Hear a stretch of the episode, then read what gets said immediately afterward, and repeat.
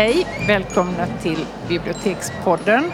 Eh, alltid annars sänder vi från Halmstad stadsbibliotek, men inte idag. Idag är vi på Bokmässan i Göteborg och det förklarar en del av det här ljudet runt omkring oss. Men vi är ju inte speciellt ensamma. Hela biblioteksförlags Författarsverige är här känns det som. Mm.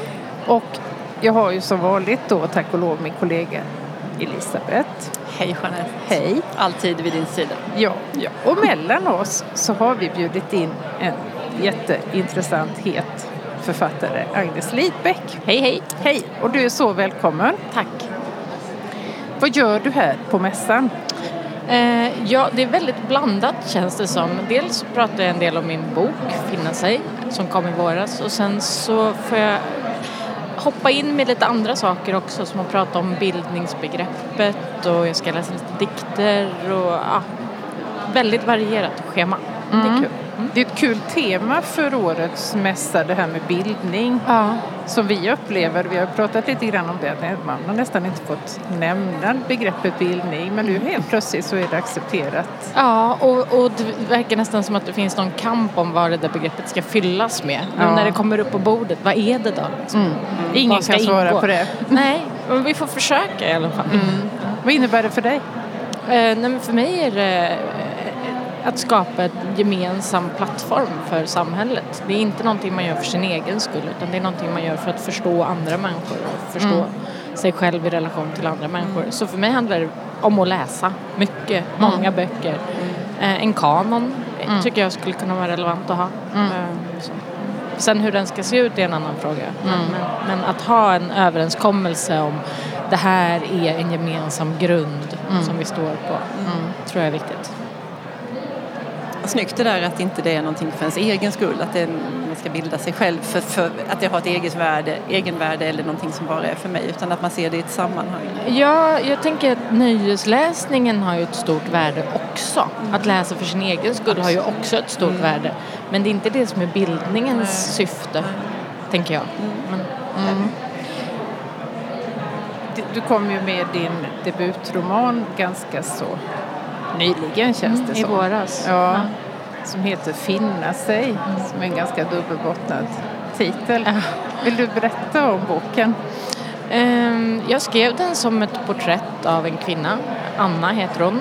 Eh, ett ganska anonymt namn eller vad man ska säga. Eh, och min tanke var att skriva om en person som är upptagen av att uppfylla någon typ av krav på hur en kvinna ska vara. Mm. Men att inte göra det utifrån att det är någon annan som så att säga ställer kraven på henne utan att det snarast kommer inifrån.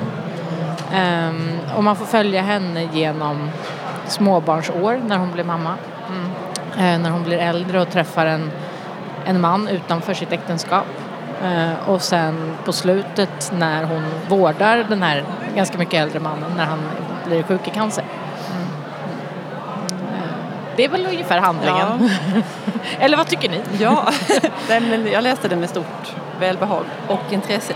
Och jag tänker jättemycket på de här första kapitlen där när det handlar om när hon, just när hon blir mamma och de här första, den här första tiden som förälder. Och, och så tycker jag det är så spännande det där att hon hela tiden har en blick utifrån mm. på sig själv. Hon nästan poserar ibland med sitt barn och undrar om någon skulle se mig nu och sådär. Och, och att det i det så, så, blir det också en sån himla stor ensamhet så tänker jag att, um, att hon är så himla ensam. Mm. Mm. Eh, jag har ju velat jag har ju gjort henne mer ensam kanske än vad hon skulle behöva vara för att jag, jag ville se så här, kan man, kan man isolera huvudpersonen och vara så mycket inne i huvudet på huvudpersonen så att det blir en liksom klaustrofobisk upplevelse för läsaren utan att bre ut sig på jättemånga sidor. Det är ju en ganska kort bok. Ja. Liksom. Så jag redigerade bort ganska mycket av perspektiven från hennes man, från hennes barn, mm. alltså mycket så för att verkligen hålla det i hennes huvud. Uh, och det gör ju att hon blir ännu ensammare liksom. Uh, sen tror jag att den där blicken blicken utifrån på sig själv. Jag tror inte att det är helt ovanligt att man har den men det är ganska förbjudet att tala om det. och allting som, som man känner och upplever själv men som är förbjudet att tala om blir ju ytterligare en ensamhet eh, och ännu svårare så att säga. Eh, jag tror att om man, om man på något sätt hade en större tillåtelse för att de här sidorna finns hos en så kanske de skulle bli mindre dramatiska för, för många personer, tror jag. För det är mycket som är väldigt förbjudet, just de här Ja. när man blir förälder och det är så omgärdat av väldigt mycket idéer om hur man ska känna och hur det ska vara. Ja. Eh, Jag har ju tre barn själv ehm, som är ganska små fortfarande, sex, fem och två. När jag skrev boken så rörde jag mig mycket i de här miljöerna där mammor träffas, så att säga. Ehm, och var ganska fascinerad av, av vilka krav som outtalat ligger på, på hur man ska vara som mamma. Eh, sen kan jag säga att jag själv aldrig riktigt lyckades leva upp till de där kraven. Eh, Försökte du eller du struntade i dem? Eller hur gjorde du? jag, jag tror att jag kände ganska tidigt att jag var tvungen att göra ett val mellan att stå för det, det jag tror på, det jag vill göra och att, och att vara den där mamman eh, som, som, man, som man ska vara. Eh, jag hade inte haft tid att skriva om, om jag hade varit liksom, om, man, om man kokar ner det så handlar ju allting om så här, hur många timmar finns det på dygnet Ja. och, och vad gör man med dem. Eh, så att eh, för mig var det nog aldrig riktigt ett alternativ att försöka bli henne. Eh, Men det är ändå intressant att, att se henne och från läsare, både män och kvinnor, eh, så får jag ofta höra att det finns en stor igenkänning just Ja. i hur man upplever föräldraskapet. Och jag tänker att eftersom män i större utsträckning nu är pappalediga också och så vidare, och så, vidare så blir det mer av en allmänmänsklig upplevelse, i Sverige i alla fall, Ja. än, än specifikt för bara kvinnor. Men också inbillar jag om att det måste vara väldigt mycket svårare idag eh, än när vi hade småbarn med sociala medier, forum, eh, att du visar upp en bild som nog kanske inte är den hela. Nej. Den där fiktionaliseringen Ja, av livet. men ändå så tror alla att ja, men, hur lyckas hon ha både hela rena välartade barn och ett fantastiskt hem och gör karriär och sådär. Så det, det gör det ju inte enklare. Nej, och samtidigt så tror jag att om jag ska säga emot lite grann där så, så tror jag ändå att, att, att den där typen av kontrollmekanismer och jämförelser har ju alltid funnits i samhället. Ja. Eh, om, man, om man tänker ett samhälle som inte hade internet men som hade en större social kontroll i och med att man lever till exempel i ett litet samhälle där, där man kommer väldigt nära in på varandra Ja. och eh, hur ser det ut i hennes lådor och, och sådär. Så, fi- så kan den sociala kontrollen se ut på ett annat sätt där. Ehm, så jag tror nog att det där att vilja ha liksom ett öga på vad grannen gör och ett öga på sig själv det är en ganska konstant Men mänsklig drift. i och med sociala medier. Ja, men också längre ifrån och mer anonyma på det sättet. Eh, man kan ju låta bli att lägga ut sitt liv på sociala medier om man vill. Men Jag tänker på några rader i en låt av Frida Huvuden från hennes senaste skiva där hon sjunger om eh, nu kommer jag inte ihåg ordagrant såklart, men, men när första barnet kom och att jag längtar efter en flock och att hon längtar efter vettiga grannar och, och samtala med på riktigt, liksom inte bara det här ytliga. Hon formulerade så himla bra. Och jag, och jag tänkte på dem när jag läste din bok, att det är någonting i den där Ja, på tal om det här med ensamhet och vad man egentligen, att man kan längta efter vardagliga, äkta relationer. Ja, verkligen. Sen vet jag, just Anna i, i min bok vet jag inte om hon är förmögen till de äkta relationerna. Än som det fanns någon där som... Nej, Så nej, att hon är ju... Eh, jag upplever ju henne som en person med ganska djupa djup problematik liksom, med intimitet och med, med äkthet och med sig själv och så vidare. Så att eh, hade hon kunnat, om det, var, om det fanns någon, hade, vad hade hon visat upp då? Jag är inte Nej, säker på att nej. det hade gått då Nej, heller. Man måste ju vara öppen och mottaglig någonstans för, För den. ja, ja, för stödet helt enkelt. Precis. Men det här boken Finna sig är ju din debutroman Mm. och den blev ju oerhört omtalad och hyllad. Hade du, var det någonting som du förväntade Nej. dig eller vad, vad, hur trodde du att mottagandet skulle bli? Jag, det finns en ganska rolig anekdot om det där. Jag, eh, jag hade förstått på min förläggare eh, att eh, det som kommer hända är att inom loppet av sex månader så kanske du kan förvänta dig någon recension. Det är så det ser ut för, för debutanter. Eh, någon recension liksom kan komma så småningom. Ehm, Så blev det inte. Så blev det inte. Eh, och jag var ganska mycket i chock där de första dagarna för att eh, jag hade ett ganska en ganska kluven känsla inför de reaktionerna som kom. Att de var så otroligt positiva. Eh, men, men eh, eftersom jag redan då var igång med att skriva min nästa roman så blir det liksom det blir lite hisnande med den här fallhöjden Ja, helt plötsligt. Man tänker ju att ett författarskap bygger man upp långsamt och man harvar på och så liksom kommer framgången när man har förtjänat den efter ett tag. Ja. Och här var det helt oförtjänt upplevde jag det som att alla bara så här Åh, den är jätteintressant. Alla tycker inte om den såklart, men, men den är jätteintressant. Ehm, och nu blir det spännande att se vad hon gör nästa. Och jag bara så här, ja. Nej men eh, kan ni inte bara glömma bort så får jag ge ut en till bok i lite lugn och ro och sådär. Ehm, så det blir, ja, det, var, det, var, det kom på, på ett intressant ställe i min kreativa process, de här reaktionerna. Ehm, Och inte ens förlaget hade förutspått detta då? Nej, alltså det, eller så kanske de vet allting men inte säger det till en. Det, det är fullt möjligt. Eh, Men, men, men det var ingen diskussion vi hade haft om liksom att, att Nej, skulle vara beredd på... kunde det bli. Nej, Nej. nej, nej, verkligen inte. Nej. Utan det var snarare bered dig på att det är som att kasta en sten i en pöl liksom, och så blir det bara så här tyst. Det var det jag skulle vara beredd på. Och så blev det inte. Det här med att du skriver krönikor i DN, för det kom Mm. lite i samma veva, eller var det på det var en effekt redan? av, en effekt. eller jag fick, fick skriva en, eh, de hade en serie som de kanske fortfarande har som heter I författarens huvud. Eh, så då fick jag skriva en text eh, till det och sen så tyckte de att det var bra. Ja. Eh, och jag tycker att det är roligt. Jag vill ju skriva så mycket som möjligt i alla kanaler som finns. Ja. Liksom. Eh, så jag tackade ja och eh, håller på med det året ut i alla fall. Så får vi se. Ja, men vi läser dem med stort behag. Det, det vi. jätte, jätte, jag blir så glad när jag hittar dig i. Vad Absolut. Det kommer en nästa vecka tror jag. Som Ja. jag skickat in. Så det Och vad handlar den om? Eh, det tänker jag inte säga. Okej. vi väntar. ja.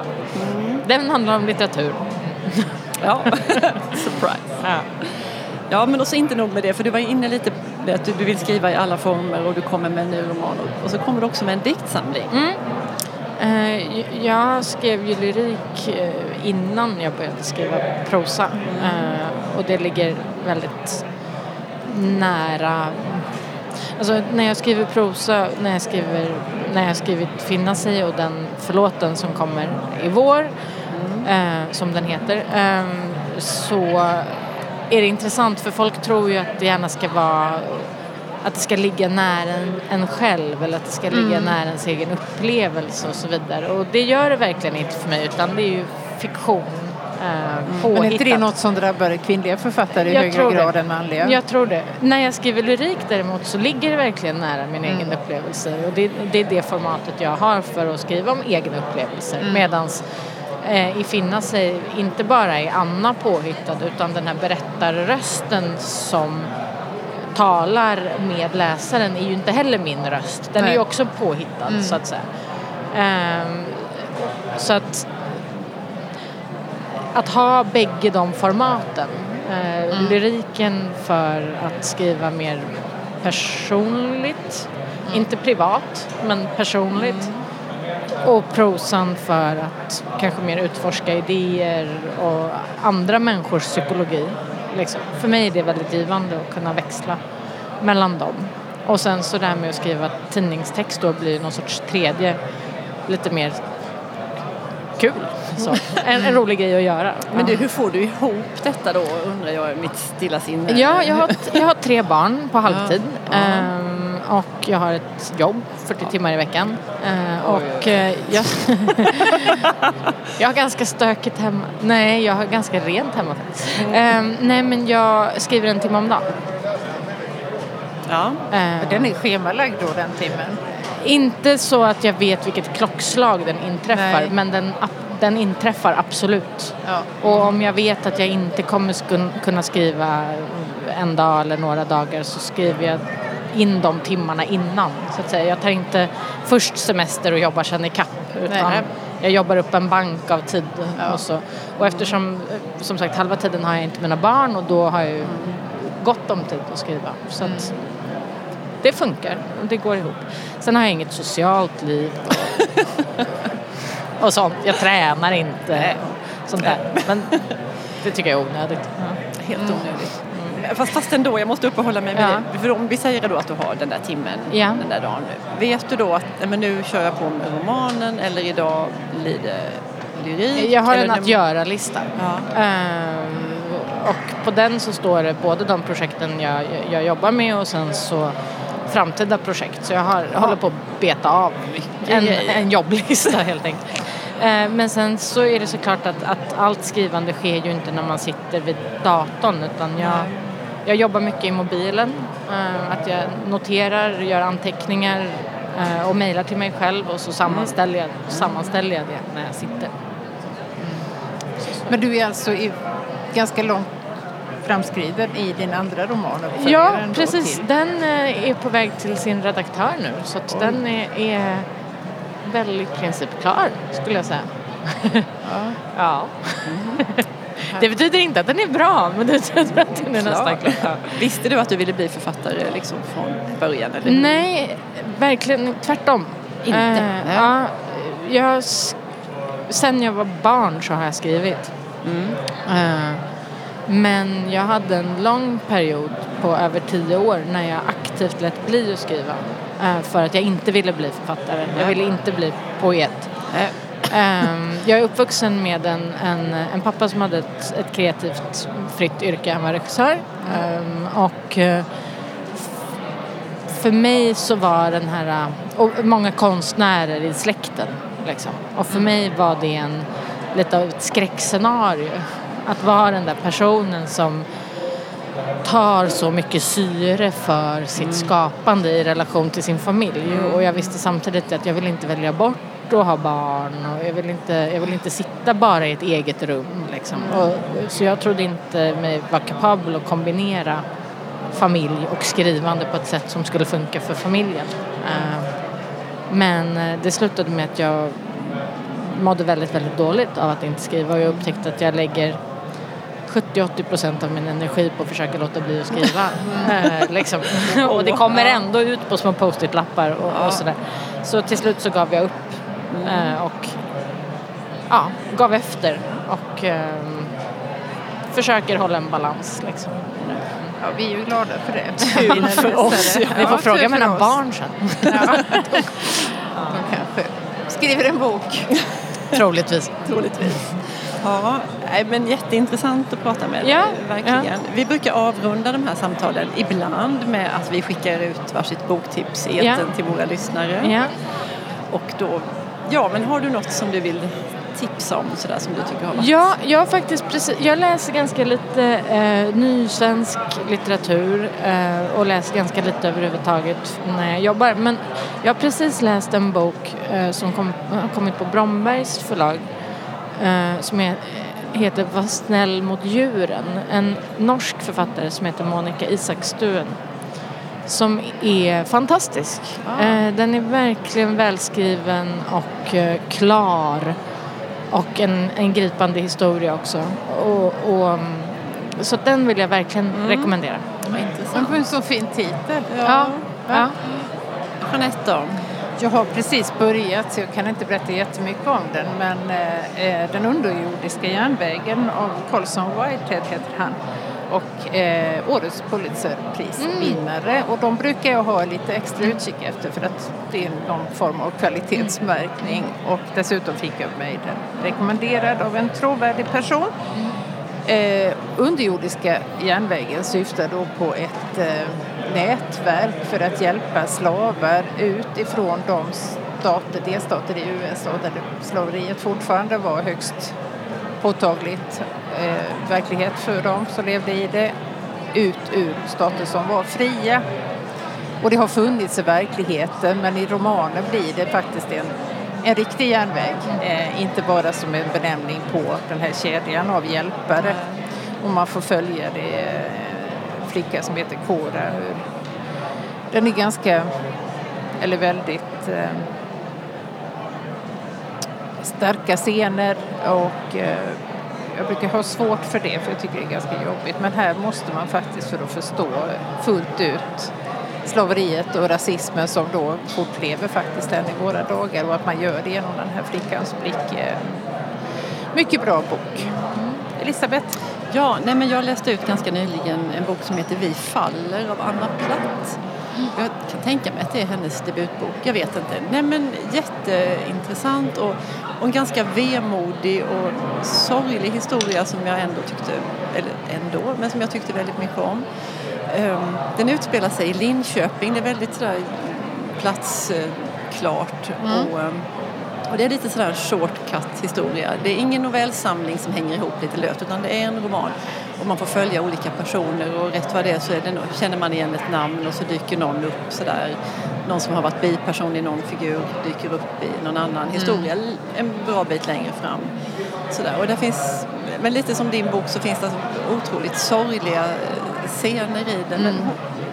ja, det är inget sentimentalt, inget så utan är väldigt fint skrivet. Så mm. den läste jag med stor behållning. Vi faller, det är en väldigt snygg bok också. Det är en blå himmel och så är texten lite fallande sådär mm. på omslaget. Mm. Ja, men med dessa mm. goda tips så... Jag har fått två saker att läsa så det verkar ja. ju... ja, och vi har fått det. Ja. Eh, tusen tack Agnes Lidbeck för att du ville prata med oss i Bibliotekspodden. Tack för att jag fick komma hit. Tack ja. och hej. Hej då. Hej.